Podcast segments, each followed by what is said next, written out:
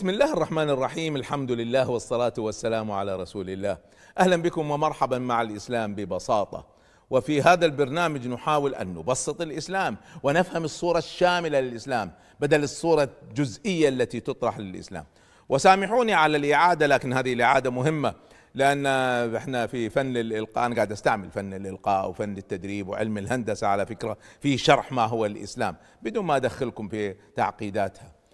فعندنا رسمة هندسية هكذا.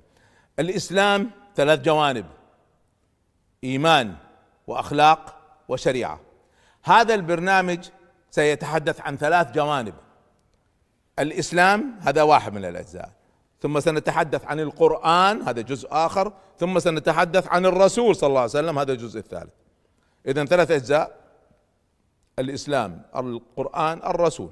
ثم تحت الإسلام عندنا الإيمان وعندنا الأخلاق وعندنا الشريعة. الآن تحت الشريعة عندنا ثلاث جوانب.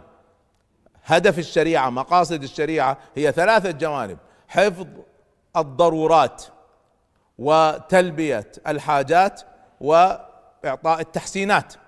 هذه الثلاث جوانب فيها تفصيل. الان نبدأ بدأنا في الحلقة الماضية بالجانب الأول وهو حفظ الضرورات. وقلنا أن الضرورات خمسة وأعطينا بها تعريف عام جدا. في هذه الحلقة نبدأ ندخل في التفاصيل. ضرورات الخمسة بسرعة وبعدين نفصل فيها واحدة واحدة. هي حفظ الدين وحفظ النفس وحفظ العقل وحفظ المال وحفظ الأسرة أو النسل. فهي خمسة أو ستة. الآن نبدأ بالأولى. حفظ الدين. الدين هنا بمصطلح الفقهاء هو ليس الدين الشامل وإنما الدين الشعائري. خلينا أشرحها. كلمة دين هو من المصطلحات الهامة جدا في القرآن. لما يقول الله سبحانه وتعالى إن الدين عند الله الإسلام. الدين هنا بمعنى منهج الحياة لكن لما نقول في الفاتحة مالك يوم الدين. هل الدين هنا أيضا مقصود به منهج الحياة؟ يعني يوم القيامة الله سبحانه وتعالى يقول أنا الحاكم على منهج الحياة؟ لا. الدين هنا يوم القيامة بمعنى المحاسبة. يقول هذا مدان يعني محاسب. فالدين بمعنى الحساب. وكما يقول العرب كما تدين تودان يعني كما تحكم على الناس يحكم عليك. فاذا يوم الحكم يوم الحساب. فالدين له أكثر من معنى أكثر من معنى.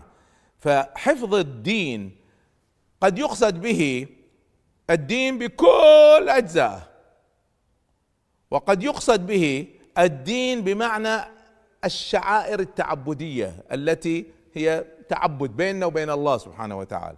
وقد يقصد بالدين المحاسبة. فحفظ الدين هنا لأن إحنا حنتكلم عن القضايا الأخرى النفس والمال والكذا فالمقصود هنا هو حفظ الدين بمعنى العقيدة والعلاقة بالله سبحانه وتعالى والشعائر. فمن مقاصد الشريعة العظيمة المحافظة على الدين. بل بعض العلماء يعتبره المقصد الأول قبل حتى المحافظة على النفس. ليش؟ ليش؟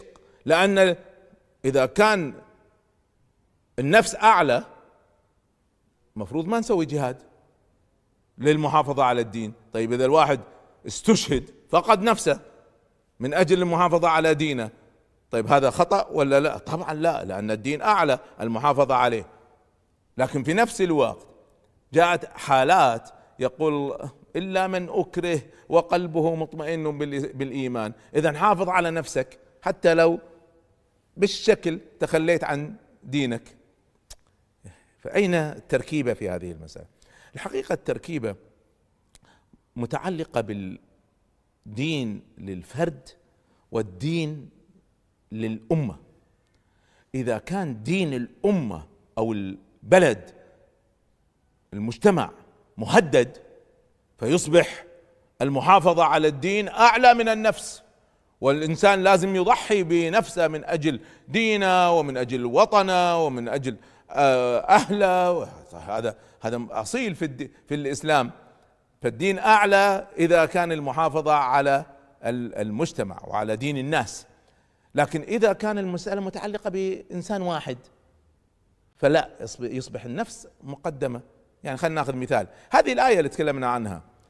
قول الله سبحانه وتعالى إلا من أكره وقلبه مطمئن بالإيمان. هي لها قصة في السيرة النبوية. في قصة كلكم تعرفوها. أن في قصة آل ياسر. ياسر وزوجته وابن عمار هم صحابة من الصحابة الأوائل المستضعفين وكانوا يعذبوا. وتعرفون القصة. أول شهيد في الإسلام كانت زوجة ياسر أم سمية رضي الله عنها وهي امرأة أول من استشهد. ثم زوجها ياسر. الآن عمار قتل ابوه وامه أمامة. أمام عينه قتلوا وجو يهددوه بنفسه. فما زالوا يعذبوه حتى أجبروه أن يقول أن الله ليس ربه وإلى درجة أن يعني تعرف سفهاء فبالغوا فقاموا يضغطوا عليه حتى قال إن هذه الخنفساء الحشرة التي تمشي على الأرض هي إلهة. ولم يتركوه حتى سب الرسول صلى الله عليه وسلم. عندها أطلقوه. طبعا هو الآن مهدد في نفسه. هل يقدم دينه ولا يقدم نفسه؟ عمار قدم نفسه. ياسر وسمية قدموا الدين على أنفسهم وماتوا من أجل ذلك. عمار لما فعل هذا رجل مؤمن إيمان عميق من مثل عمار في إيمانه؟ لكنه قال هالكلمتين فتألم ألم شديد وذهب إلى النبي صلى الله عليه وسلم. يشرح له اللي صار. يقول والله يا رسول الله ما تركوني. ما تركوني حتى قلت كذا وكذا وكذا. وهو يبكي. فقال له النبي صلى الله عليه وسلم يا عمار إن عادوا فعد. يعني إذا عملوا فيك هذا مرة ثانية اعملها أنت مرة ثانية. ليش؟ لأن هنا المسألة متعلقة بفرد أصلا الفرد هذا مستضعف. لكن لما يكون المسألة متعلقة بالأمة لازم الواحد قد يروح جهاد ويضحي بنفسه طبعا ليس على طريقة داعش والإرهابيين هؤلاء الذين لا يفهموا لا دين ولا دنيا وإنما يضحي بنفسه بحق ومن أجل الدفاع عن الدين وليس لأجل قتل الأبرياء من المسلمين وغير المسلمين. هذا إرهاب. هذا سنرجع لموضوع الإرهاب لاحقا إن شاء الله. فالآن أيهما نقدم؟ آه القانون العام إن حفاظ على الأمة ودين الأمة هو الأساس. إذا إذا جاء حاكم يريد أن يحرف دين الناس يجب أن يقفوا ويتصدوا له لأن الكلام هنا عن دين مجتمع ودين أمة وسكوت العلماء هنا باطل ولا يجوز. واسمعوا جيدا هنا. في قانون ينظم هذه المسألة أيهما نقدم الدين ولا النفس؟ يعني هل يجوز للعلماء أن يسكتوا من بعض الناس يقول يعني بعض العلماء خرجوا شفتوهم على التلفزيون خرجوا وبدأوا يعني يمدحوا الحكام ويتبرؤوا من الصحوة وما أعرف إيش. هل هذا التصرف صحيح؟ فبعض الناس يقول يا أخي قد يكون مضطر وكذا لا لا ما يجوز يكون مضطر اسمعوا جيدا. هذه المسألة يحكمها منهج. هنا هل يجوز لا يقدم نفسه على دين الأمة؟ لا ما يجوز. احفظوا هذا القانون.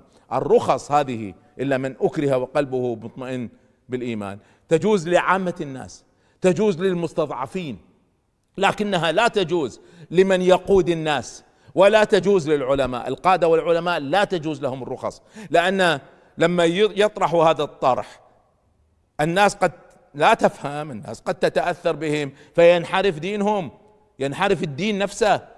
والحفاظ على الدين دين الأمة مقدم. على نفس الإنسان الواحد. إلا إذا كان واحد من عامة الناس وقال كلمتين ليس له أثر. لكن عالم يقول كلمتين طبعا فيه انحراف وفيه حرف لدين الناس ومنهج الفهم الإسلام نفسه. فالحفاظ على الدين ويسمونها بيضة الدين لأن ما يجوز تكسر هذه البيضة. نضحي بأنفسنا وبأهلينا وبأموالنا وبكل شيء من أجل الحفاظ على دين الأمة. دين المجتمع دين البلد. فلما يأتي أحد بما فيهم الحكام يحاولوا أن يحرفوا هذه المسألة يجب أن نتصدى لهم. والرخص في هذه الحالة تجوز للمستضعف ولعامة الناس ولا تجوز للقادة والعلماء.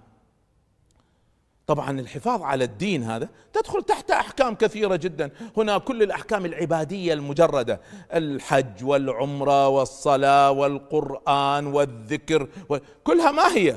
هي من أجل أن نرتقي بعلاقة الإنسان بالله عز وجل. لاحظتوا الآن؟ الهدف هو أن نرفع الدين اللي هو علاقة الإنسان بالله. جاءت الأحكام أحكام الصلاة والوضوء والقرآن والذكر والعمرة والحج والزكاة والصوم وإن كان الزكاة والحج والصوم فيها جانب أيضا له علاقة بالناس لكن جزء كبير منها له علاقة بالله سبحانه وتعالى بشكل مباشر.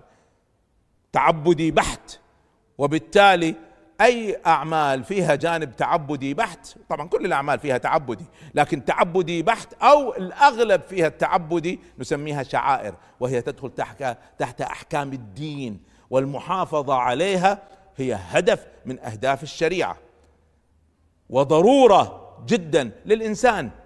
سبحان الله الإنسان هذا بدون بدون علاقة بالله يصبح في شقاء. يقول الإمام ابن القيم رحمه الله تعالى إن في القلب لوحشه لا يملأها إلا الأنس بالله. ومن أعرض عن ذكري فإن له معيشة ضنكا. يعيش حياة تعيسه هذا الإنسان بدون العلاقة بالله. اذا جاءت أحكام وأحكام وأحكام لأجل الحفاظ على الدين. وصار الدين رقم واحد في الضرورات والضرورات هي أهم شيء في الشريعة.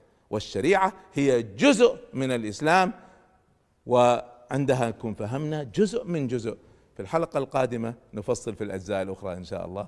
نستودعكم الله والسلام عليكم ورحمة الله.